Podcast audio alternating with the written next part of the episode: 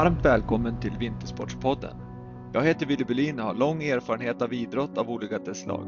Jag har varit aktiv på alpin landslagsnivå och varit ledare inom idrott på såväl föreningsnivå som förbundsnivå. I min nuvarande roll som ledare i det privata näringslivet kan jag använda mycket av den erfarenhet jag fick inom idrotten. Detta avsnitt är i samarbete med Brooks, eller The Running Company som grundades 1914 och är helt fokuserade på löpning. Med sin slogan Run Happy har Brooks som mål att inspirera alla att springa sin egen väg till ett bättre liv.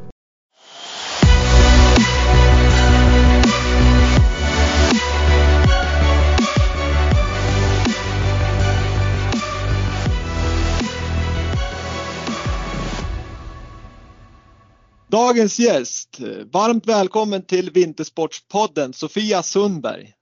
Tackar. Det är jättekul att ha dig här och jag tänkte börja med att dra lite bakgrund vem Sofia Sundberg är. Eh, till yrket är du idrottsnutritionist, löptränare och föreläsare och har en utbildning på kostvetarprogrammet och idrottsmedicinska programmet vid Umeå universitet. Och bredvid din eh, karriär inom yrkeslivet så är du ju även eh, elitultralöpare med flera landslagsuppdrag på både VM och EM-nivå. Främsta merit femma på VM och lagsilver. Du har svenskt rekord på 6 timmars löpning med 80,1 kilometer och det är viktigt att säga det är 4,29 kilometer eller minuter per kilometer vilket är sjukt imponerande. Sexa i världens största och tuffaste ultralopp på väg, Komrad i Sydafrika, 90,2 kilometer. Eh, du har enorm bra utbildning kopplat då till din idrottsbakgrund och den kombinationen tror jag i alla fall är väldigt bra. Men det är lite kort om dig Sofia. Vad säger man om den meritlistan? Ja, det, det är ju rätt häftigt när man ser på det så här. Uh, ultralöpningen har ju varit en enorm resa och jag har lärt mig så otroligt mycket just kopplat till det jag faktiskt jobbar med. Så det har varit en väldigt bra utbildningstid också att hålla på med ultralöpning. Nu har jag valt att kliva ner på lite kortare distanser för jag har fått en nytändning av att se vad jag kan göra där med min eh, ganska eh, ja, bakgrund av tålighet och eh, framförallt mental uthållighet, vilket ultralöpning innebär. Men, men just den här resan i alla lärdomar. Det tycker jag är precis som du just nämnde. Det är en väldigt bra kombination där, jag, eh, ja, men, där man får mer av det praktiska i det och inte bara i teoriboken. Nej, det förstår jag för att teoriboken är väldigt, väldigt bra men, men har man inte kopplingen till praktiken då brukar det kunna bli sådär liksom, ja, svårt att tillämpa i alla fall om man ska jobba med det och, och, och förmedla det till, till sina klienter. Men när du säger kortare lopp här då kan ju folk tro att du spring, ska springa liksom 1000 meter och sådär men det är ändå 5 kilometer upp till halvmaraton och sen för att kunna snabbt köra ett snabbmaraton, det är ju på den nivån och eventuellt öppnar du upp för en till Komrad. Ja, det stämmer. Alltså, suget kommer ju nästan lite sådär för varje dag, men, men det är ett sånt brutalt hårt lopp och det krävs mycket för att ta sig upp. Jag vill inte komma tillbaka och komma sämre än vad jag har gjort.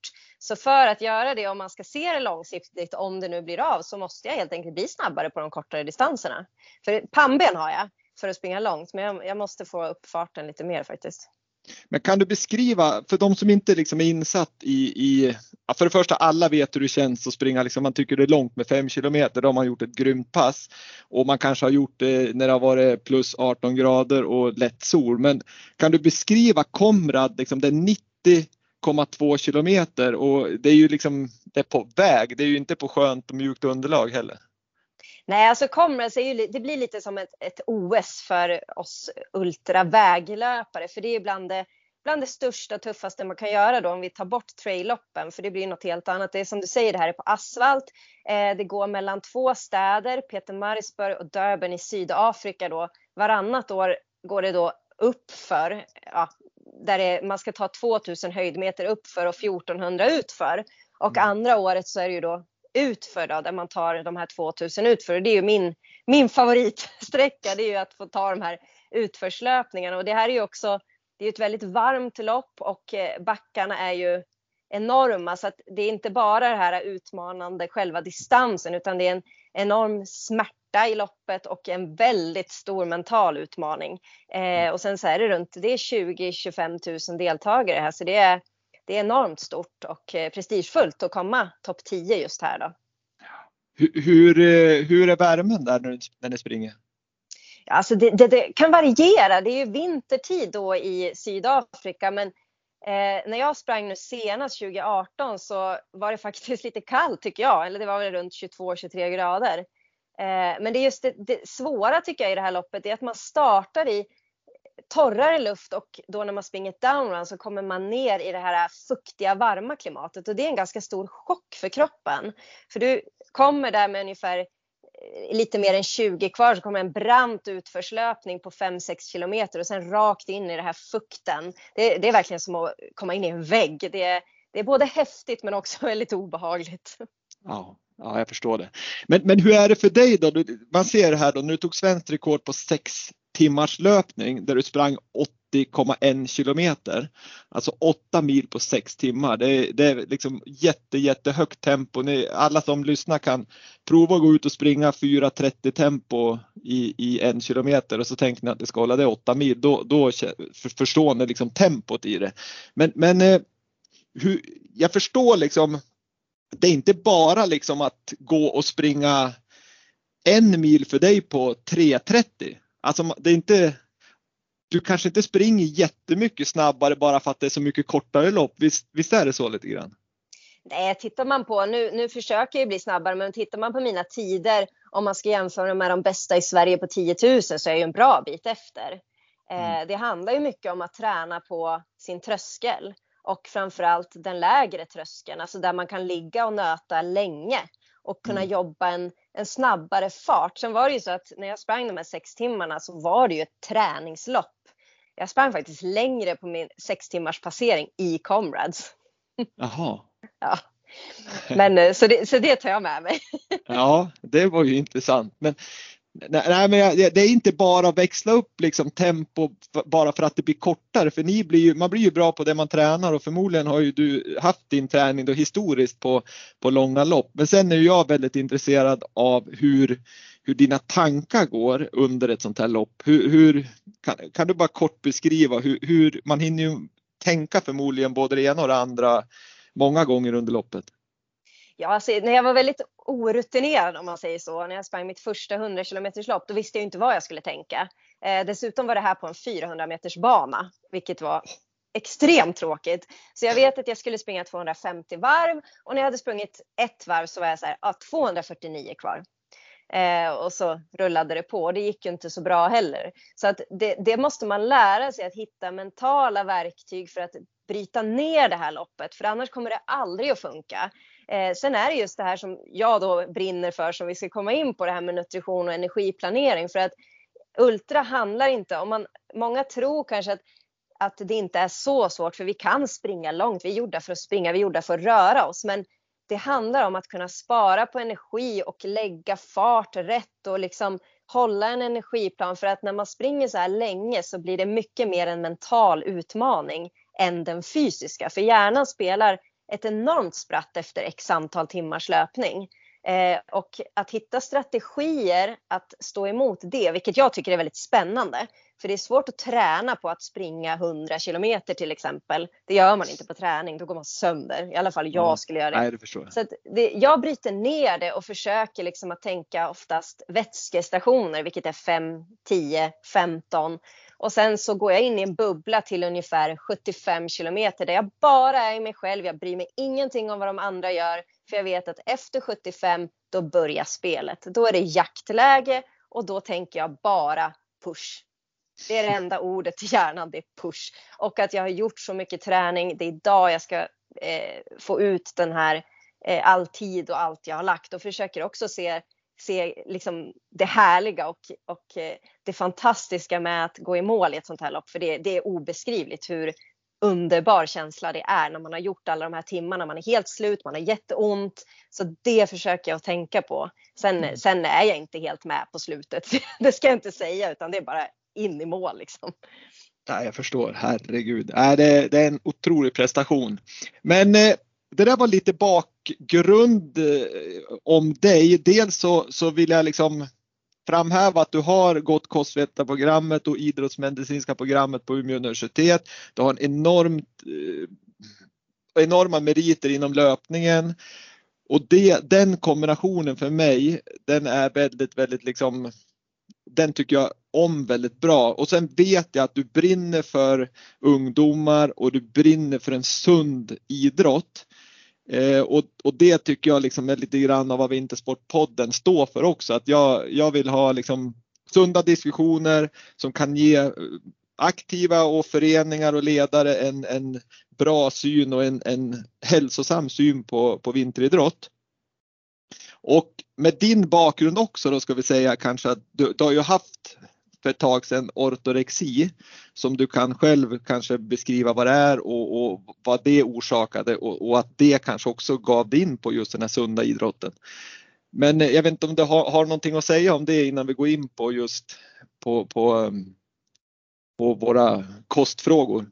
Ja, alltså jag, det är just det som har vuxit också att jag brinner så mycket för ungdomsidrotten för att jag var själv i runt 18 eh, när jag började få den här ätstörningsproblematiken som egentligen är kopplad till att man blir väldigt fokuserad på att äta nyttigt och träna extremt hårt. Så det blir, det är en väldigt eh, psykisk eh, påverkan där man bara tänker på vad man stoppar i sig och att det får inte vara kalorier och, det, och jag ska träna väldigt, väldigt hårt och prestationsinriktat. Allt blev prestationsinriktat. Det var det enda jag tänkte på. Till och med uppvärmningen blev prestationsinriktad. Och utåt sett så såg jag inte speciellt smal ut utan det sjuka satt ju mycket i huvudet. Eh, så att jag fick mycket komplimanger och så. Och sen var det just att när jag fick det här, det är ju ändå, eh, ja vad blir det, nu ska vi räkna hur gammal man är här. Eh, runt 18 20, år sedan typ. Ja, ja men precis. Eh, och då var, fanns inte, man pratade inte direkt om det här. Det fanns inte sociala medier på det här sättet som är idag. Eh, inte massa filter där man kan göra sig, eh, man ser helt annorlunda ut. Utan det här var ju någonting som jag fick på grund av att eh, mina föräldrar separerade. Jag blev tvungen att flytta hemifrån. Det blev liksom, jag hade ingen kontroll på någonting och det enda jag kunde kontrollera då det var kost och träning. Mm. Och det var också det som gjorde att jag faktiskt började på kostvetenskap som jag kanske får tacka mig själv för idag. Men då var det faktiskt för att bli sjukare. Jag Oj. ville hitta strategier för att bli sjukare men under utbildningens gång så, så lärde jag ju mig tvärtom.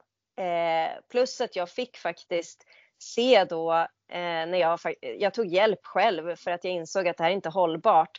Eh, så var ju mitt skelett, jag hade fått en stressfraktur, alltså att skelettet går, det var så svagt. Eh, jag hade hormonförändringar, depression. Ehm, så att det var väldigt mycket som hände på insidan som man inte ser i spegeln på utsidan. Så att det var där faktiskt genom att läsa fysiologi, näringslära, eh, organisk kemi och sådana saker och sen då idrottsmedicin som gjorde att allt det vände till kunskap, till att bli frisk och få en förståelse i hur viktigt det här är. Och idag då när man tittar 18 år framåt och jag ser den här sociala mediers påverkan. Eh, det är väldigt hård träning. Det är nästan det här att ju mer vi tränar desto bättre är vi och, och vi ska synas att vi tränar. Och ser också att det här är en problematik som ökar enormt mycket och väldigt mycket i det tysta som inte kommer fram. Och det är mm. det jag vill jobba emot. Mm. Ja, för om, man, om man spinner vidare på det där du precis är inne på då med, med liksom ätstörningar och träningshysteri då, som, som är ortorexi.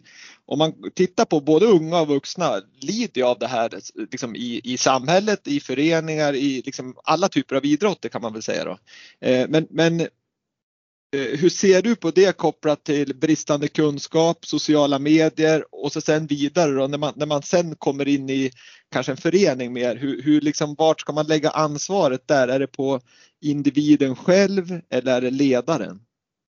Eh, jag, jag, tror att det har väldigt stor påverkan med sociala medier och att vi ska vara på ett visst sätt och att man jämför sig och sådana saker. Sen var det så att jag gjorde ju faktiskt en, en, en av mina uppsatser på idrottsmedicin var att jag kollade upp olika tränarutbildningar inom eh, olika idrotter och det var faktiskt rätt skrämmande hur lite utbildning kring nutrition det hade.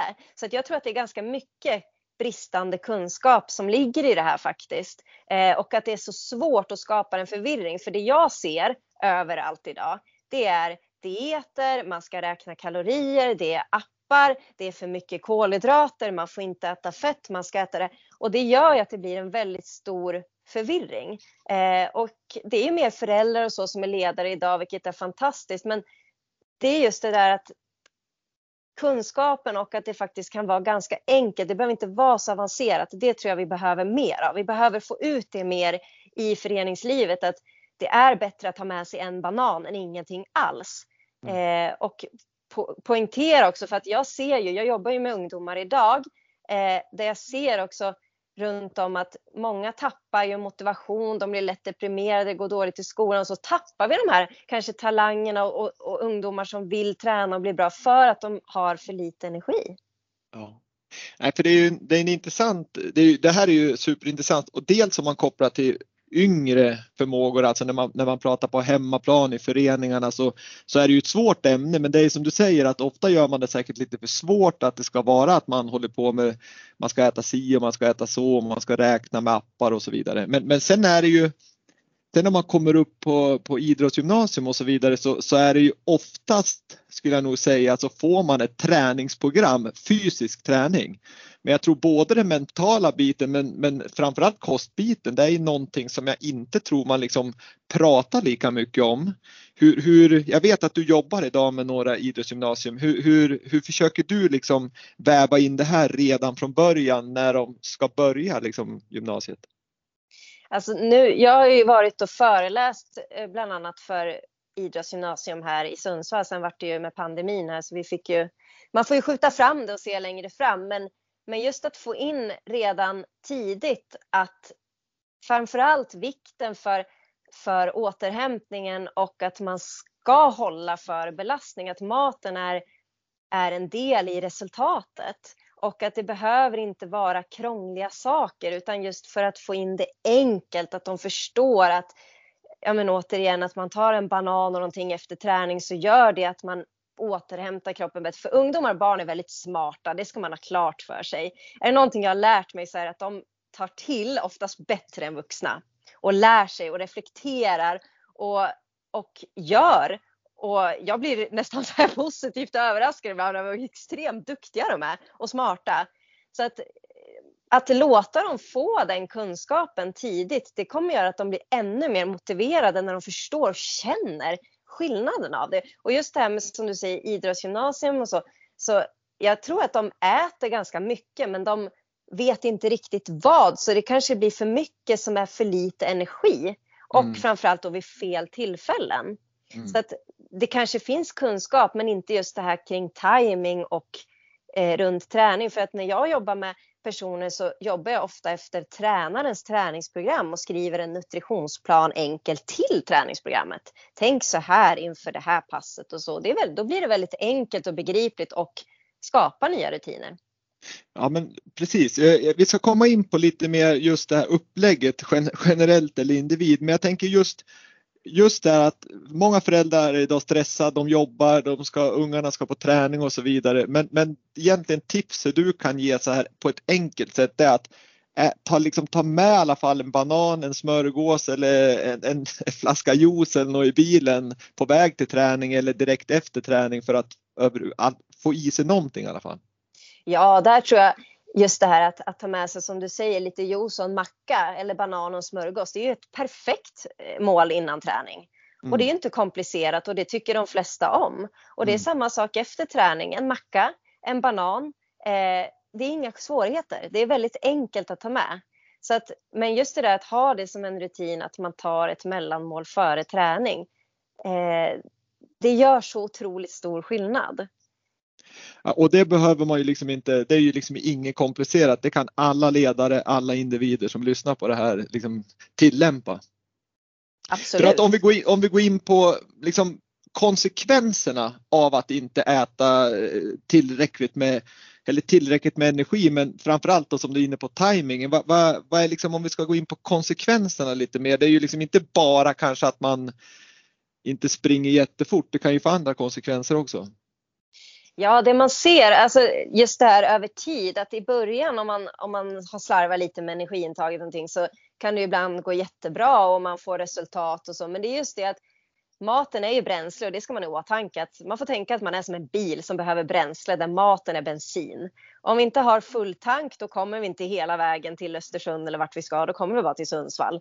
Eh, och det är lite så som man måste tänka. Eh, så att, att eh, får man inte i sig energi till exempel efter träningen då börjar det ju uppstå ett slitage på kroppen och när vi ser till ungdomar till exempel så, så ser man att de blir lättare omotiverade, man kan bli ganska låg i humöret, eh, lättare sliten, man får sämre sömn, det går sämre i skolan, eh, man får kanske skador, man blir lättare sjuk, får ett sämre immunförsvar. Så det här är väldigt viktigt, dels att du har energi när du ska träna så att du har någonting att bränna, för det du annars gör är att du bryter ner kroppen. Mm. Och samma sak då efter att få ut någonting av träningen för att alla vill vi ju bli bra av träningen och få, få känna att vi blir starkare. Eh, och det är det du får genom att äta någonting efter. Exakt, för, för det är ju, man lägger ner så mycket tid på att träna hårt och det är liksom komplicerade träningsupplägg och så vidare. Men, men som sagt var då, det är ju som bortkastat och dessutom då så kan du ju få långa skador vilket eh, gör att du absolut inte kan lyckas med det du håller på med. Men du var inne på lite tidigare Sofia, det här med upplägget att, att man kan ju kan man generalisera och säga att eh, Kalle, Lisa, Pelle, Niklas, ni kan köra lika allihopa eller är det liksom olika från individ till individ? Om vi pratar lite kanske ja, men de som i alla fall är på idrottsgymnasium då, det är väl svårt att prata tioåringar, men om vi pratar idrottsgymnasium och, och uppåt, är det liksom det ena eller andra där? Det, I regel är det ju alltid så av vad jag upplevt att alla, eller de flesta äter för lite. Så det kan man säga som gäller alla. Eh, men sen är det ju skillnad. Det beror ju på vad man tränar. Eh, tjejer till exempel har ju eh, med hormonbalans och skelettet och menstruation där det ofta man kan se att de har låga järnnivåer.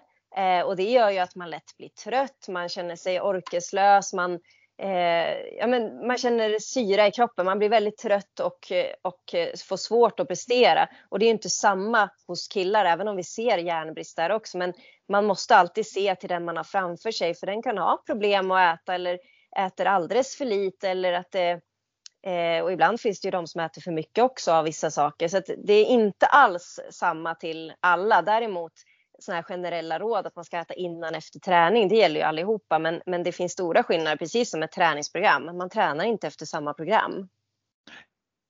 Nej och, nej, och det är ju också eh, liksom bra att ha med sig att, att bara för att det funkar på en så behöver det inte funka på andra. För jag, jag, jag hade ju med Marcus Hellner i podden för ja, ett tag sedan och då kommer jag ihåg att jag frågade honom just om, om intaget och med tanke på att han tränar ungefär 1000 timmar per år så undrar hur lyckas han få i sig så mycket mat? Och då sa han just i ungdomsåren då åt han så det stod ut genom öronen men sen när han blev mer rutinerad så, så fokuserade han mer på att äta, att han hade rätt timing, alltså att han åt i samband med träning och, och under träning framförallt och liksom att han hade med sig några nötter och så vidare. Men, men är det någonting som du också känner är, är rätt sätt att gå?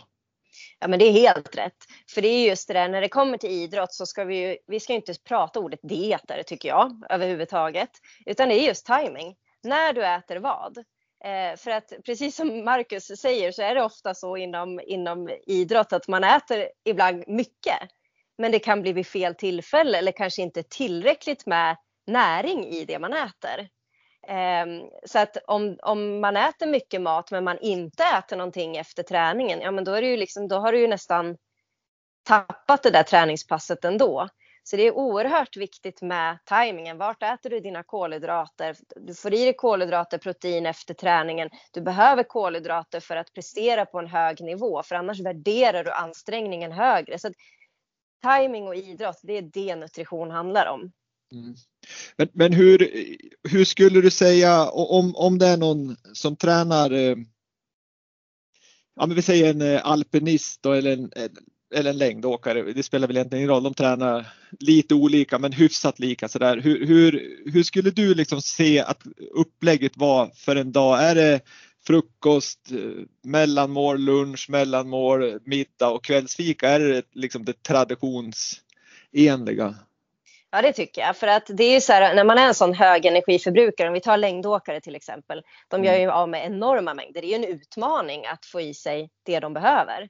Och äter man bara eh, som vissa gör frukost, lunch, middag, du, alltså du får äta så stora portioner så det går inte att få i dig.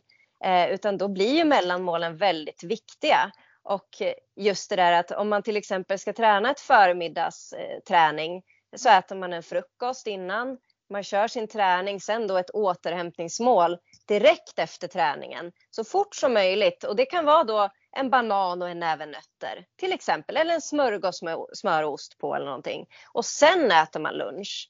För då har du, har du tagit den där mackan eller, eller ja, bananen eller det, då har du börjat återhämta kroppen mycket mer effektivt och sen mat på det. Inget utesluter det andra för att det många gör idag det är att speciellt då om man eh, kanske har varit ute och tränat och så går man in och ska byta om och så här och så tar man ingen energi utan lunchen kommer en, två timmar senare ibland. Då har du börjat hunnit bryta ner kroppen. Återhämtningsprocessen är inte riktigt så effektiv och igång och många av de här har ju två pass om dagen.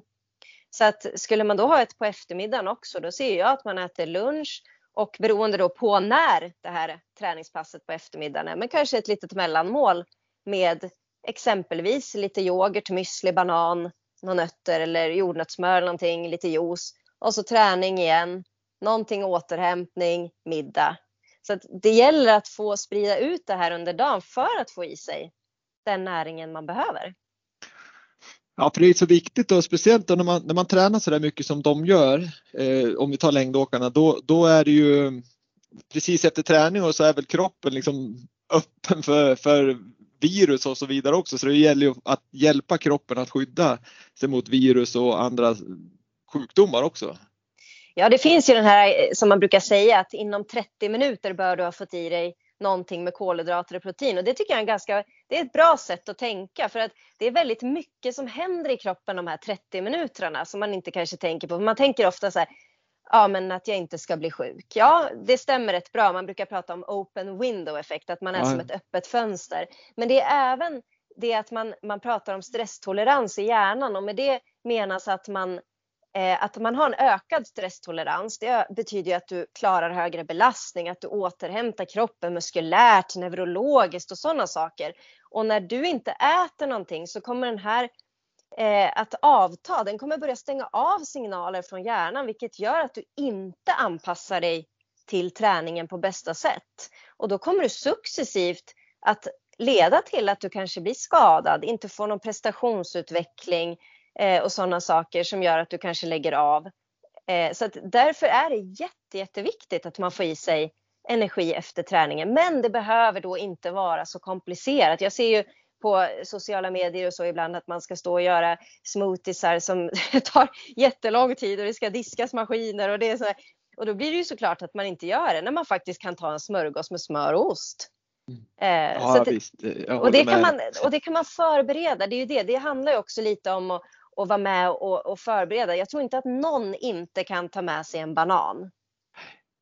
Nej, nej, nej, nej. Det är ju, nej. och det är lätt, lätt att göra en smörgås och ha en yoghurt med sig eller ja. en liten flaska juice eller vad det nu kan tänkas vara. Så det, är ju, det finns ju liksom ingenting egentligen att skylla på utan det är ju det handlar om att sätta in det liksom likväl som man tar med sig träningsskorna eller skidorna eller vad man nu ska göra så ska man ta med sig det. Precis. Och just det där bara att få det som en rutin, att en macka eller att det, just det här enkelheten, att det ska in då så fort som möjligt. För det som oftast händer då är ju att man känner att om man nu har två pass den dagen så känner man sig mycket starkare till andra passet och man kan verkligen känna att man blir återhämtad. Och jag tror ju väldigt mycket på det här med att när man känner att någonting är bra, då blir man väldigt motiverad att fortsätta med det. Så att mm. om man bara börjar, om man inte har gjort det, eh, så, och känner att det ger, då kommer man inte sluta. Nej, så är det ju och, och, och sen, sen, tycker jag, eller man kan ofta se i alla fall att många ungdomar som är liksom runt 16 till 20 år, det, det är där många liksom skador kommer och, och Alltså visst kan skadorna uppkomma även fast man äter bra men, men det kan ju vara en stor del kan ju faktiskt vara att man, att man slarvar med kosten och, och, och på grund av det får man kanske lägga av med sin idrott. Ja, tyvärr är det så för att man pratar, just att man pratar för lite om, om kostens betydelse. Jag har sett ganska många gånger där väldigt duktiga idrottare har drabbats av skador och det händer ingenting i deras eh, utveckling. Men man pratar sällan om att det kan vara kosten. Man pratar om för hård träning, eh, att man kanske måste ändra om i träningsprogrammet. Men man reflekterar liksom inte över, över näringsintaget. Och, och det jag ser om vi då ska ta ungdomar så, så när vi ser idrottsgymnasium till exempel så pratar man ju om elitförberedande träning. Mm. Och det jag ser är ju ungdomar som nästan tränar hårdare än seniorerna. Och med skola och allt det här som också är en väldigt mental belastning och kostar mycket energi. Då blir det jättetufft att klara det här om man också ligger på back energimässigt. Och det behöver inte betyda att man ligger mycket back, men ligger man lite hela tiden, då går man ju ner för den här prestationstrappan liksom istället för att klättra uppåt. Och jag tycker det är väldigt sorgligt att se när man när man ser många som kämpar så otroligt mycket och så kan det röra sig om att man skulle kunna lösa mycket problem genom en smörgås eller ett glas juice och en macka efter träning. För i många fall är det faktiskt så enkelt.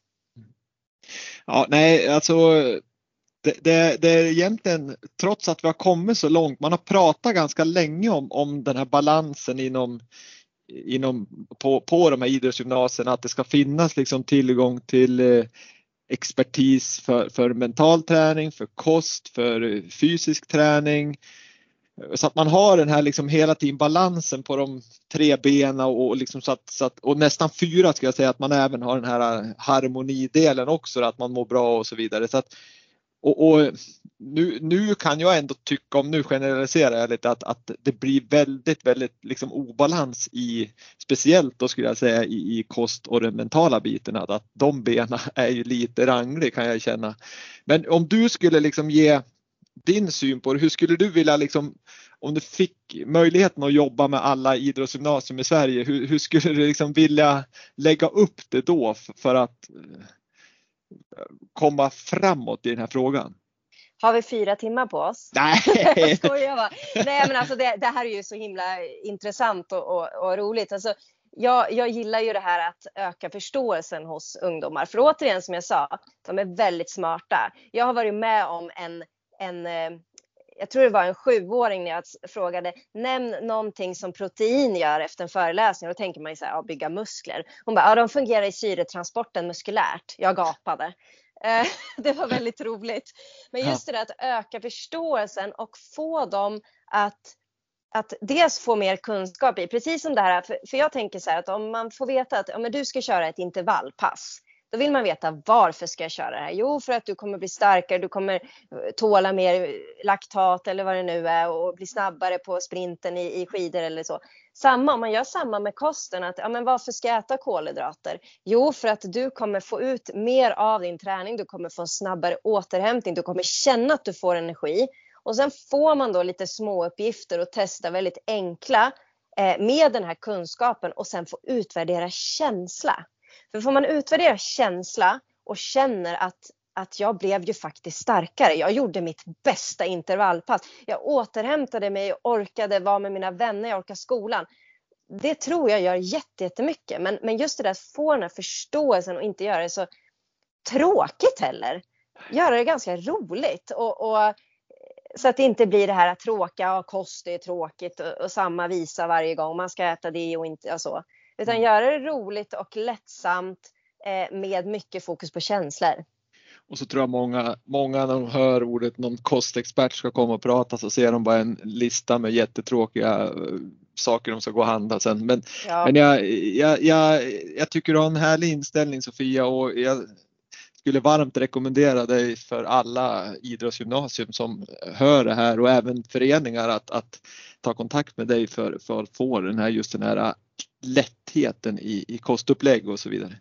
Men en, en annan sak som jag, som jag tycker är väldigt eh, ja, ja, intressant, men det, det pratas ju mycket, det har pratats om under lång tid det här med man, vissa är ju livrädd för kolhydrater, man vågar inte ens tänka ordet kolhydrater nästan för då blir det kaos och, och, och, och sådär. Men, men hur, hur är din syn på just ja, men kolhydrater och även liksom, ja, men proteiner, vitaminer och balansen däremellan? Är det liksom, behöver man vara livrädd för, för något av dem? Nej, alltså det är så här, vi, vi pratar väldigt mycket kalorier idag och det är något jag inte gillar för det är totalt ointressant. Eh, det är ingen som vet exakt hur många kalorier någon gör av med. Jag, jag stör mig fortfarande på att det står på jordnötssmörsburken att 100 gram är cirka 599 kalorier. Vem vet det? Eh, men, men just det här att när det är att få i sig näring, det är viktigt. Eh, och kolhydrater, det är som du säger, många är väldigt rädda för kolhydrater, men det har blivit så otroligt fel för att jag har inte träffat någon som jag har jobbat med under alla år som har uppfyllt eh, den mängd kolhydrater man behöver för hård träning. Och det är ganska mycket för att jag brukar ta jämförelsen med havregrynsgröt. Eh, och att jag till exempel eh, behöver ungefär 150 gram kolhydrater när jag ska göra ett hårt ansträngande tävling. Eh, och om vi säger att ungefär en, havre, eh, en portion havregrynsgröt är 20 gram, hur många får jag äta? Jag brukar säga, det, jag tar, referens Gunde Svan här, jag tycker det är lite kul. För de frågade ju honom så här, vad var det värsta med, med din karriär? Ja, det var att jag fick äta så mycket havregrynsgröt. Det sa han vid något tillfälle och då skrattade jag just för det här. Jag tycker det var jättekul. Men han förknippas ju med gröten och det är jättebra. Ja, men just det att många tror då att, att de får i sig så mycket, att det är så mycket kolhydrater i pasta, bröd. Eh, men det är inte det som man tror, utan det är ganska mycket. Dels i, i pasta och så, så blir det mycket vätska och, och sånt som tar ut och när man då tittar på hur folk äter som ändå äter då bra varierad mat. Det är inget fel på maten, men de ligger fortfarande ofta på på en mängd kolhydrater som motsvarar lågintensiv träning. Och det är det som gör också att man tycker, återigen det här med att man värderar ansträngning som jag tycker är jätteintressant. Jag har gjort jättemycket tester själv med det här och det stämmer. Um, att man tycker att man tränar jättehårt och sen när man får i sig de här kolhydraterna så är man dubbelt så bra på samma ansträngning. Ja, och det blir lite så här, det är lite så här magical happens. Så, så jag tror att, för jag brukar ju ta det här, jag har ju blivit lite känd för det här med juicen nu. Bara för ja, många, må, ja, men många är rädda för juice för att det är så mycket socker. Då ska vi bara ta det här skillnaden då, att juice är ju då naturligt socker från frukt och då har vi ju läsk som är renframställt socker och många dricker då ofta läsk framför juice vilket jag tycker är ganska konstigt. För juice är också ett bra sätt för de som kanske inte äter så mycket frukt och grönsaker att få i sig vitaminer. Och tar vi då ett exempel på om jag då skulle äta de här havregrynsportionerna då, vi ska räkna 150 gram och 20 gram i portion. Jag, jag får ju äta en vecka innan. Eh, men då ska vi ta ett glas juice som är ungefär 2 deciliter, det är 25 gram. Det är ju ganska enkelt att komma upp i min mängd kolhydrater genom att dricka två glas juice, en portion gröt och lite russin eller vad det nu är, en macka. Så att det, den här skräcken för kolhydrater, det skrämmer mig mycket kan jag säga. För det är också kolhydraterna som är viktiga för att anpassa och återhämta kroppen efter träning. Så, och sen ser jag också det här lite problemet när vi pratar vitaminer och mineraler. Det har blivit väldigt just det här att, att med grönsaker, det här tycker jag är väldigt intressant för det är många ungdomar som inte gillar grönsaker. Och då tror de oftast, för då när man säger det, att ja, en stor sallad och så här. Men jag brukar säga, men vilka grönsaker tycker du om då? Tycker du om morötter? Ja, jo men det kan jag nog äta. Ja, tomat? Jo men det, det går ner. Ja men ät morot och tomat. Mm. Då har du din sallad. Det måste inte vara alla möjliga olika sorters sallad utan då har Konstiga. du gjort det jättebra. Eh, men, men just den här skräcken, det är faktiskt det som också gör att vi, vi inte får den prestationsutveckling vi vill. Och vi har så mycket mer i oss. Eh, det är därför jag, när jag har sagt åt folk, men gå ut och spring, testa, ta två glas juice och spring. Oj, jag sprang 20 sekunder snabbare per kilometer. Ja, det är the magic med kolhydrater. Så att vi ska nästan, vi ska prata mycket mer om kolhydraters fantastiska faktiskt för, för idrotten. Vi måste få, få in att man förstår att det, är, att det är jätteviktigt och att det inte är så lätt som man tror att få i sig. Ser du, är det olika liksom, eh, för kolhydrater kan ju vara på det ena eller andra viset. Är det, föredrar du någon framför någon annan? Alltså just där, ska man träna hårt eh, så måste man, där brukar jag säga så här att ja, idrottsnutrition och hälsa det går lite olika vägar. Eh, för att när man ska träna extremt hårt så behöver du ju snabba kolhydrater. Det som går snabbt ut i blodet för att gå in i musklerna och nyttjas som energi fort som bara den. Och då är ju juice bra, då är en macka bra. Då vill man hellre ha vitt bröd än grovt bröd för det tar längre tid för kroppen att, att eh, förbränna. Mm. Eh, banan, till och med liksom ja men en bulle är bättre om man säger så. För där blir det liksom att du ska ha snabb energi. Sen i övrigt på kvällen eller dagar man inte tränar, då skulle jag ju föredra att kolhydraterna kommer från frukt, potatis, ris, eh, kanske grovt bröd. Och då kommer vi till det här med timing igen. Mm. Eh, så att det är ju bättre i sådana fall att ta en kanelbulle innan man ska träna ett hårt pass än att inte äta någonting alls. Nej, precis. Och, och jag, jag, tänkte precis komma in just på vad vi pratar med, med äta före och efter träning för, för återhämtning. Men, men hur ser du just på, på kost dagar man inte tränar, det vill säga när man, när man vilar, man kanske vilar lördag, söndag. Är det liksom, ska man tänka annorlunda vad, vad man äter? Det sa du lite nu att man äter lite mer långsamma kolhydrater då, men, men är det liksom samma mängd mat man ska fortsätta med för att bygga upp sig inför kommande pass? Precis, och det här är också ett väldigt stort problem. Jag ser att både hos ungdomar och vuxna, eh, nästan ännu mer vuxna faktiskt, eh, att man äter mindre på vilodagar. Och det blir ju också väldigt fel för att om jag nu som jag sa innan att de flesta äter för lite generellt och så drar du ner på vilodagen, kanske har en vilodag i veckan och du tränar ganska hårt. Då är det ju där du har chansen att hämta hem träningen och faktiskt ladda för en ny träningsvecka. Och drar du nog ner på maten, ja men då går du in i nästa vecka och inte är fullt återhämtad. Men man kanske inte behöver äta de där snabbaste kolhydraterna och dricka mängder med juice till frukost eller något sånt. Utan vanlig mat, frukost, mellanmål, lunch, mellanmål, middag. Precis som när man tränar men kanske inte de där eh, snabbaste energin. Men absolut att man inte ska hålla på och dra ner på maten för det är faktiskt en stor del många gör som gör att de faktiskt blir skadade. Mm. Ja, det är bra tips för att jag tror som du säger, det är många som tänker att idag tränar jag inte, då ska jag inte äta någonting. Men, men det är som sagt var, du bygger upp det då inför kommande och, och tar igen kanske, eller bygger upp kroppen med vad du har gjort också. Men du, vi har pratat om kost nu, alltså mat i, i, ren föda. Men vi har ju även en annan viktig sak och det är ju vätske och saltbalans i kroppen. Och, och som vanlig liksom, idrottare så tänker man ju vätska mer. Liksom. Jag kan tänka mig att många tänker bara ska, hur mycket ska man dricka när man tränar, mellan man tränar.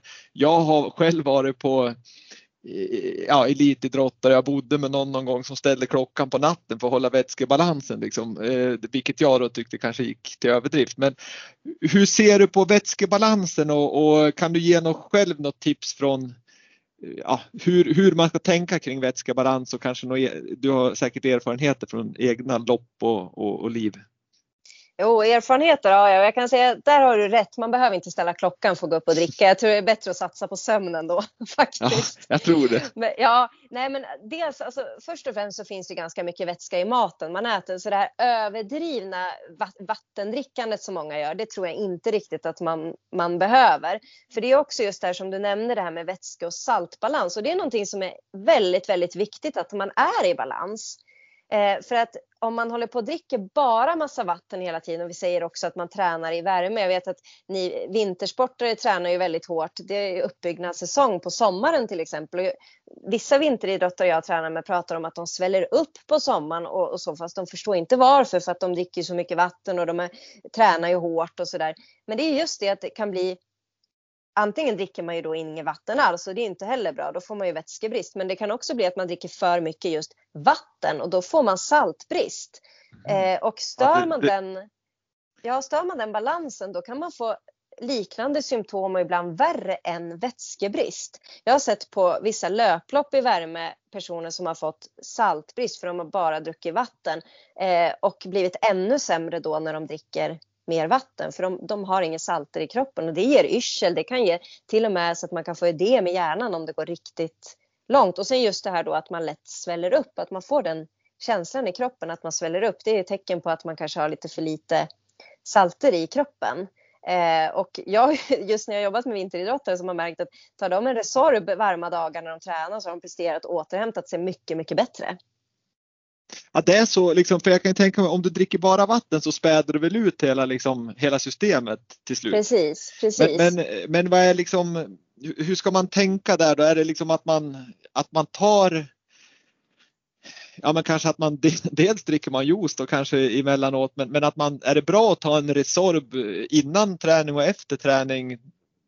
Jag, jag, tycker att absolut om man tränar väldigt mycket och hårt och sen då när det är varmt ute. Sen idrottare jobbar ju mycket med, det finns ju väldigt mycket saltkapslar idag för, från kända eh, sportdrycksföretag och så som är både mer kost, alltså ekonomiskt sett billigare än mm. kanske Resorb och de är ju sammansatta med eh, natrium, kalium och eh, magnesium och någon B-vitamin för att få den här bra balansen av salter i kroppen. Eh, men absolut att ta någon Resorb när det är varmt eller någon saltkapsel till det vattnet, det påverkar återhämtningen jättemycket. Och sen om man kommer till det här, de som vill träna på, att man inte vill träna med kolhydrater i kroppen utan man vill ut och köra lugna pass länge det kör ju skidåkarna på sommar, rullskidor timmar mm. ute. Mm. Då om man inte kanske vill gå på kolhydrater för att man ska köra fettförbränningspass och sådär. Eh, först och främst om man ska träna fettförbränningen så måste man också ha tillräckligt med energi i kroppen. Man kan inte ha för lite energi och så gå och träna utan energi för då blir man lätt skadad eller överbelastad. Mm. Men däremot kan man jobba med just salter, alltså att man, att man har Resorb då kanske i vätskebältet eller att man jobbar med någon saltkapsel om det är väldigt varmt en i timmen eller något sånt där. Eh, då kommer man vara mycket piggare efteråt framför allt och ha effekt för vissa känner nästan som en kick av det där saltet när man tränar. Och just det att man orkar mer av dagen sen. Alltså om man ska vara med vänner eller göra vad som helst så är du mycket piggare. Så att jag tror att det blir för mycket det här att antingen så ska man inte dricka alls, man ska typ härda kroppen, vilket jag tycker är ganska dumt. Ehm, men då att man bara dricker vatten och det, det kan vara lika, alltså att det blir för mycket av det också. Mm. Hur är det med, eh, jag tänker på de här kapslarna då som, som du säger, saltkapslarna. Är det någonting, det är ingen fara liksom om, om en 10, 12, 15-åring skulle ta en sån på sommaren, det är, det är inget liksom något farligt kosttillskott eller någonting som Nej, inte ska rekommenderas? Det ser jag inte från ett känt, känt sportdrycksföretag. Men ja. annars så tycker jag Resorb funkar jättebra också. Men, mm. men Resorb och salter på sommaren, det ska ju alla ha. Alltså mm. oavsett om man tränar eller inte när det är varmt. För jag tror nog många känner sig lite småsega när de har varit på stranden och bara druckit vatten. För jag vet på, på ja absolut, man blir ju helt trög i kolan där. Men, men eh, jag tänker på Eh, Stockholm Marathon vet jag efter halva sträckan där, där står de och delar ut eh, saltgurka. Och, och, och, det kan ju, har det någonting med det här att göra eller bara för att få en annan smak i munnen? Det är nog lite både och, men det blir ju lite salt så man kan ju få absolut en kick. Men, men sen är det ju skillnad då. Det är, jag vet ju personer som har tagit såna här småpåsar från McDonalds med salt. Eh, mm. Men det är ju bara, det är ju rent natrium, alltså av, om man ska titta på sammansättningen. Eh, och det är ju någonting som egentligen kan öka kramper och att man blir nästan får, blir ännu tröttare. Men framförallt det kan öka kramper i kroppen. Så man vill ju ha salter som innehåller även kalium, magnesium och så. Det gör ju både Resorb och sådana här eh, saltkapslar. Men just för, för vanligt salt som du har på bordet, det, det är liksom inte, det är bara vanligt natriumsalt? Va? Ja precis. Jag kör ju själv med Celtin hemma, vanligt från affären. Det innehåller ju både natrium och kalium och jag, jag tycker okay. jag känner skillnad faktiskt. Mm. Um, ja, det kan ju också vara ett tips så att man inte bara tar vanligt bordsalt och vräker i sig för då tror jag nej, det är det är inte riktigt. Nej. Det är inte bra. Det är därför det är bra med Resorben och så här där man verkligen vet eh, att man får rätt mängd för att man kan inte ta i en matsked salt då blir man sjuk. Det, det blir man. Exakt. Eh, intressant, intressant område men jag tror här, här kan nog alla också förbättras och, och jag tror också att göra precis det här som med kosten, att, att göra det enkelt och, och, och fylla på med lite med, som, med, med en Resorb på en om dagen eller, eller när man tränar hårt och det är varmt och, och sådär. Så det tror jag liksom hjälper en i, i välmåendet väldigt, väldigt mycket för man blir, slipper man bli sådär seg och konstig. Ja, det är jättestor skillnad. Ja. Jätte, jättestor skillnad på återhämtningen framförallt och just de här då som kanske har ett till pass eller någonting. Det, det kommer bli en enorm, det kommer bli en riktig sån här äh, wow-effekt om man inte har gjort det tidigare. Exakt, men, men om vi återvänder bara lite till kosten så, så är det ju också ett ämne som, som diskuteras mycket och, och då pratar vi sociala medier, kvällstidningar. Men tyvärr så är ju det någonting våra, framförallt våra ungdomar men även äldre tyvärr läser och har man inte kunskap så, så läser man ju typ det senaste eller det man vill se och, och så vidare. Men kvällsmål, hur ser du på kvällsmål och vad har det för effekt att ta ett kvällsmål eller inte ta ett kvällsmål? Eh, jag tycker att för det första det här med att äta en viss tid eller på kvällen, det tycker jag man kan strunta i när man idrottar för att mat behöver vi. Eh, och har man tränat på kvällen, då ska du absolut få i dig en måltid efter. Och har du tränat hårt, då kanske du behöver, alltså på eftermiddagen, kanske behöver middag och ett kvällsmål för att få i dig. Sen brukar jag tänka så här, där kan man tänka lite timing. Eh, har man till exempel inte tränat eller inte tränat hårt, då kan man hålla sig till mer protein på kvällen. För det hjälper ju kroppen att eh, både återhämta sig men också att det har en att man jobbar med förbränning.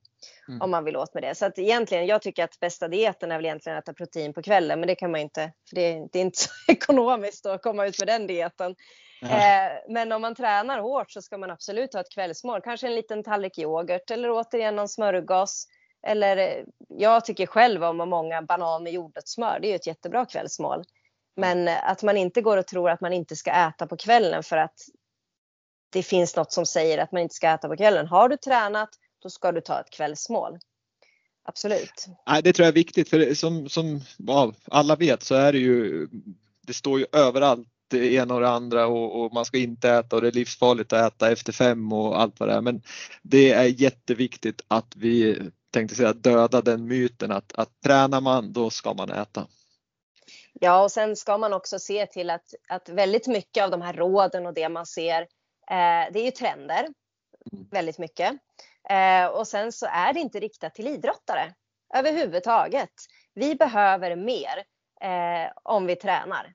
Och att gå då på olika, liksom, det finns ju alla möjliga saker. Men, men återigen, det är trender som är under en kort tid och sen kommer det något nytt och sådär. Ehm, det är som nu, jag sitter och väntar alltid på sommaren, två veckor innan midsommar, går ner fyra kilo till midsommar. Varje år, lika roligt varje gång. Ehm, och, men så vi, de som tränar får absolut inte tänka på det. Utan maten är ett verktyg i att prestera. Och jag tycker så här, har man koll på att få i sig energi, alltså näring, det är ett vapen. Det är ett mm. vapen som man ska ta användning av. För det ger sån Alltså det, det, det kan ge som både mental boost och veta, för jag, jag, tänker så här att om man vet att man har ätit bra inför en träning eller tävling eller vad det nu är, då blir det också en mental boost att man har mm. gjort det. Och så kanske man ser någon som inte har gjort det, då blir det ännu större mental boost. Ja, för det är eh. också viktigt att, att, man vet, eh, att man vet verkligen att jag har gjort det som krävs när jag står på startlinjen och kan vet jag att jag har gjort någonting lite bättre än, än konkurrenterna så är det som, då har man ett övertag, helt klart. Jajamän, det handlar mycket om mentala grejer och det här är en. Absolut. Jajamän. Men du, när vi ändå är inne på tävling då och, och övertag, hur, hur tänker man inför en tävling? Hur ska man ladda då? Man hör ju också där att man ska äta två kilo pasta eller man ska inte göra det eller man ska äta pizza eller inte äta pizza. Och är det någon olika beroende på om man håller på med långdistanslöpning, skidor 50 kilometer eller om man ska köra en eh, alpintävling? Jag, jag brukar tänka så här. Du ska göra en tävling som du har tränat för och lagt jättemycket energi på. Varför ska du då äta någonting som inte ger dig bästa möjligheten att prestera på topp? För att just det här som du säger med pasta eller pizza eller någonting. Nu kommer vi återigen till det här med kalorier. Men det är totalt ointressant utan det är vad som är i den där. Och vi vet ändå alla innerst inne att pizza, ja det är gott men det är ingen näring. Det är energi men det är ingen näring. Och det som händer är att om du äter en pizza på kvällen eller en stor pastatallrik, för återigen, pasta är inte så mycket kolhydrater som man tror. För det binder mycket vätska och det ger mycket volym i magen så att du kan inte äta så mycket som du skulle behöva. Och om du äter mat som innehåller ganska mycket av, av den här typen av mat så kommer det här ligga kvar i magsäcken i många, många timmar dagen efter. Vilket gör att du blodet också vill dit och jobba med maten fortfarande. Och har du då massa mat i magen och du ska ut på en skidtävling 15 kilometer eller vad det är och du ska prestera maximalt. Du vill ju ha det här i blodet och i, muskler, eller i musklerna så att du kan prestera på topp. Så jag, jag brukar tänka så här att man ska äta så mycket man kan dagen innan under första delen av dagen. Eh, och lite mindre på kvällen så man inte har allt det här i magsäcken på morgonen men ändå så man har ätit tillräckligt. Om man ska äta, se till att få i sig kolhydrater där jag tycker ett bra sätt är att få det genom drycker för att få Alltså verkligen få i sig det. Smoothie, det kan vara juice eh, och det kan ju vara yoghurt, det kan vara banan, det kan vara någon energibar, man kan göra egna energibars. Um, här till och med brukar jag tycka att ja, men är det någon gång du kan ta en fruktyoghurt, ja men gör det dagen innan tävling. Men mer under första delen av dagen, lite mindre under kvällen och då äta mer av potatis, kanske lax, kyckling, alltså mat som inte ger så mycket, att det ligger kvar så länge. Eh, mm. för då har du en enorm eh, lätthet i kroppen när du står på startlinjen. Och sen brukar jag säga det, fira med det du vill ha efter tävlingen. För det kommer smaka så enormt mycket godare när du har den där medaljen eller ditt tidsmål eller vad det nu är man har för mål. Jag lovar. Den kommer vara så mycket godare den där pizzan då. Så tipset är ju ät bra först och fira sen. Jajamän, det är min, det är min slogan vet du. Och ja, juice, men det är bra Sofia. Nej men det är faktiskt lite så att många, många, sen vet jag att när man pratar vuxna så är det ganska många som vill ha något att skylla på också om det inte går bra och då äter man lite sämre. Men just det där att man ska tänka på att okej, okay, jag ska göra min tävling. Vill jag ge mig själv de bästa förutsättningarna dagen innan? Är det pizza som är det bästa? Nej, kanske inte, men kan jag ta pizzan när jag gjort mitt resultat? Absolut! Go for it! Ja, det, men just få i sig kolhydraterna innan och det är svårt om du inte gör det via ja, men, lite mer om vi går åt det här ohälsosamma tänket faktiskt och genom juice, eh, smoothie och sådana saker. Men sen vet jag att det är ganska många som äter godis kvällen innan eh, för att få upp energi. Men då ska vi återigen, vart är näringen? Mm. Det är ingen näring. Utan det är samma sak där, ät efter. Ja, exakt. Ja, men det är viktigt att tänka på just, inte tänka kalorier utan tänka näring. Jajamän. Men, men eh, vi har ju pratat också efter både träning och tävling att det är open window att man, man ska ju se till att få i sig mat direkt efter för att förkorta återhämtningen och för att minska risken för skador och, och infektioner och allt vad det nu kan tänkas vara. Så att där har vi varit inne på. Men det, det är intressant att höra just uppladdningen också för den är ju som sagt var det är ju då vi lägger grunden precis som när vi tränar. Det är ju inte kvällen innan vi kan bli bättre på att svänga slalom eller, eller åka 15 kilometer skate utan det har vi gjort innan. Ja, det är, det är att eh. göra detaljerna på slutet. Det man kan påverka. Påverka det du kan påverka. Ja, det är intressant, men, men vi har ju pratat ett tag här nu och det har ju kommit liksom generella tips eh, under loppets gång här. Men har du någonting, om, om du tänker in till föreningarna runt om i Sverige nu som, som bedriver olika sorters idrotter och det kan vara barn och det kan vara lite äldre barn och ungdomar och uppåt juniorer och så vidare. Men, men har du några generella tips som ledare och föräldrar egentligen i första hand då kan, kan tänka på när de, när de har sina barn och sina adepter i föreningen att liksom just vad det gäller kosten så att vi ska bli bättre? Ja, för, först och främst så vill jag nämna det att Eh, nu när jag har jobbat en del med ungdomar och då tänker jag just nu en kille som jag har inom simning eh, och han har ju träning då sex på morgonen. Och det här är ju ofta ett problem hos ungdomar och eh, föräldrar och så veta att då går ju barnen eller ungdomarna ofta och inte har ätit någonting för att det är klockan sex på morgonen och man vill inte upp och äta gröt och, och sådär och man vill sova så länge som möjligt. Och där tycker jag då att till exempel något glas juice och en banan är perfekt innan. För det kan du äta ganska nära inpå innan du sätter dig på cykeln till träningen eller vad det nu är. Och sen att man äter efter. För att just det att du inte äter någonting, ja men då har du ingenting att ta av. Så då är det bättre det än att liksom försöka tvinga i sig en frukost och att det slutar med att man inte äter någonting. Sen just det här att man alltid ser till att, att det finns något mellanmål före träning och det kan som sagt vara lite yoghurt om man nu är hemma och, och, kan äta innan eller att man tar med en smörgås och en banan eh, eller lite juice eller en smoothie. Men någonting litet som man kan ta någon timme före, två till en timme innan och alltid någonting direkt efter träningen i omklädningsrummet eller vad det än är en banan, det räcker så långt. Jag jobbade med, ett, med fotbolls, eh, fotbollsklubb under lång tid i, i eh, Enköping och det var åldern, ja men det var ju fem år upp till, till gymnasieålder. Men mm. de tog med sig en banan efter och det var liksom deras grej och de blev stolta över det där att vi hade med oss bananen efter. Eller då en smörgås, att man har förberett det så att de har med sig och framförallt att de får förståelsen i att kanske göra det själva.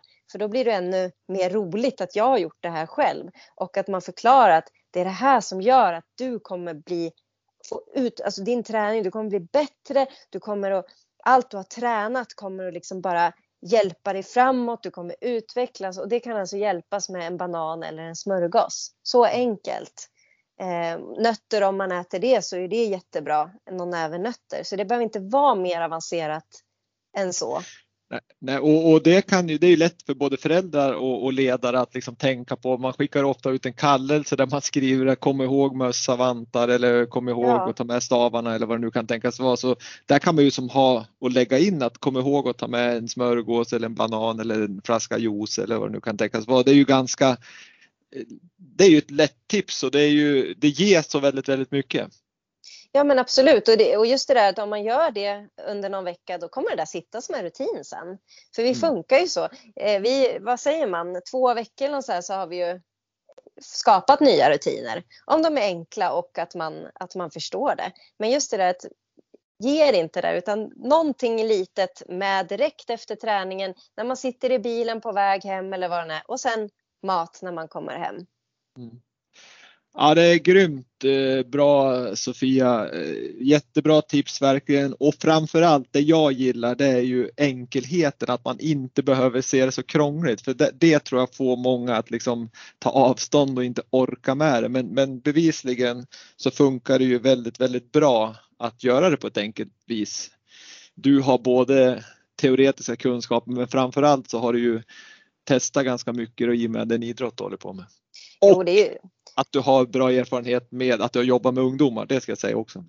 Jo, alltså jag, jag älskar att jobba med ungdomar. Alltså de lär mig så otroligt mycket och de som jag jobbar med nu, eh, det, det, är helt, alltså jag, jag blir helt jag, jag, blir så glad varje gång jag pratar med dem för att de är så himla duktiga. Så nu är det nästan de som lär mig eh, mm. faktiskt. Och det är jätte, jättekul att se också att de presterar bättre. Och när man får ett sms på helgen att ah, jag satte nytt PB eller jag, alltså man blir ju alldeles, jag blir helt lycklig. Att de ens ja. tänker på att skicka ett sms på helgen är ju fantastiskt. Men jag, man har blivit som en del i det där nu och jag, i och med att jag är idrottare själv, jag vet att det måste vara enkelt. Det är ingen som kan säga åt mig att jag ska göra något komplicerat. Det är ju träningen man vill fokusera på. Kosten den ska bara vara enkel och finnas där för det är då den blir av. Nej, men det, ja, absolut och det är bevisligen är, är det ju så kul just med att, att man får den här feedbacken och, och framförallt från ungdomar. Det är ju bättre än kanske all betalning eller vad som helst. Det är ju otroligt kul att se att någon utvecklas och, och att någon blir glad och, och där. Det är ju jättebra betalning. Ja, det är roligaste eh, som finns. ja. Men du, en sista fråga som jag ställer till allihopa som är med i eh, Vintersportpodden det är utifrån ditt perspektiv, kan du ge en framgångsfaktor som du tycker är viktigast för att nå framgång? Ja, nu kommer jag säga det som ingen tror på. Jag lovar, det här kommer bli en dundersuccé. Ja. Nej, det var faktiskt, och det är grymt! det var faktiskt när jag kapade min, min träningsmängd med ungefär, inte riktigt hälften, men nästan hälften. Det var då det svenska rekordet kom. Det var då sex timmars, eller sex, eh, sexa på Commerce kom och jag gjorde mina bästa lopp på träning och fokuserade mer på återhämtning och vikten av vila. För att jag ser det så här, när man pratar om kvalitet i träning så tänker många kvalitetspass, intervaller, hård. Men jag vill ha kvalitet i alla mina pass. För har jag ett lugnt pass, då ska jag fylla syftet med ett lugnt pass. Det ska vara ett lugnt och att kroppen inte ska slita. Så när jag började vila mer, då vart jag bättre. I kombination med en balanserad kost naturligtvis. Jajamän. Att hela tiden se till att jag äter någonting efter träning och att jag äter kolhydrater innan mina hårda pass gör att jag är faktiskt väldigt sällan sliten. Jag har, jag har ork i det jag gör och det tror jag att när man känner att man gör det och man har balansen att man klarar träningen, man blir bättre, man känner sig återhämtad, ja men då, det är då man kan säga också att man förmodligen ligger i energibalans. Men just det här att det är inte den som tränar mest som blir bäst. Det är den som tränar smartast och fokuserar på sakerna runt omkring. Mm. Och det tycker jag är ett otroligt bra tips liksom att man ska ha med sig. För det är ju återigen så är det ju balansen i helheten som ger resultatet. Och Nej, det, det, det är kloka ord Sofia och, och än en gång så, så har jag stort förtroende för dig i, i och med att du har den bakgrund du har för det är få som kan liksom slå dig på fingrarna vad det gäller att ha tränat liksom, och, och prestera i, med, med, den idrott du håller på med. Det är ju liksom helt otroligt med timmar som, som läggs ner och, och, och du har ju provat det fram och, och hittat en bra modell så att det tipset skulle jag nog ta vara på kan jag säga oavsett vad, vad, vilken idrott man håller på med. Att man ska ha kvalitet i det man gör. Och det, det vi ska säga då det är ju att har du ett lång eller distanspass eller ett intervallpass så har ju de passen, de som inte riktigt vet skillnaden, men de passen har ju olika syften och, och det är det du menar med att även ett lugnt distanspass ska ju uppfylla sitt syfte. Precis, att man inte Likväl gör som det. att man kör ett intervallpass som man får blodsmak så, så har ju de olika syften och, och det är därför man ska ge dem samma liksom attention, båda passen. Ja, så att man har balansen där så att inte även de lugna passen blir hårda för att man är för sliten. Så det här med vilodagar, det är faktiskt bra. Ja, det är jättekul Sofia och jag är så glad att du har delat med dig av din kunskap och dina erfarenheter. Det, det, dels har jag lärt mig en massa saker men, men jag hoppas att alla lyssnare verkligen ska ta vara på det här och jag kan än en gång säga att eh, Sofia ska ni kontakta tycker jag om ni vill ha hjälp med, med eh, kostupplägg och, och tankar kring både träning och kost, det, det, kommer ni ha nytta av oavsett om det är en förening eller föräldrar eller idrottsgymnasium. Men har du någon kontakt Sofia som, som de kan vända sig till? Ja, jag, jag finns ju på Instagram och mail. Um, det är där man når mig tänkte jag säga. Och ehm. Instagram det är Sofia med och under, understreck Sundberg. Understreck Sundberg. Ja precis. Och Sofia med PH. Jajamän, annars svarar jag inte vet du. Det, där, är, det där är viktigt. Ja. Att det är rätt. Men, men och mejlen, då är det? Um, den är jättelång. Som vi säger så här, söker man på Sport Nutrition by Sofia, då kommer man in på min hemsida. Ja. Den är inte jätteuppdaterad, men man når mig där i alla fall. Då rekommenderar jag alla lyssnare att besöka Sport Nutrition by Sofia så kan ni läsa mer om Sofias tankar och ni kan även kontakta henne för ett upplägg. Med, med det Sofia så tackar jag dig för att du har varit med i Vintersportpodden och jag önskar dig all lycka och jag hoppas att jag får se dig än en gång på Komrad och, och komma på pallen kanske. Det hoppas jag med får jag säga, om, om det blir så. Men som sagt jätte, jätte tack. Väldigt trevlig podd och eh, bra syfte och budskap med vad du vill nå ut med. Så jag är jättetacksam och glad att jag fick vara med. Kanon! Stort tack och lycka till! Tack!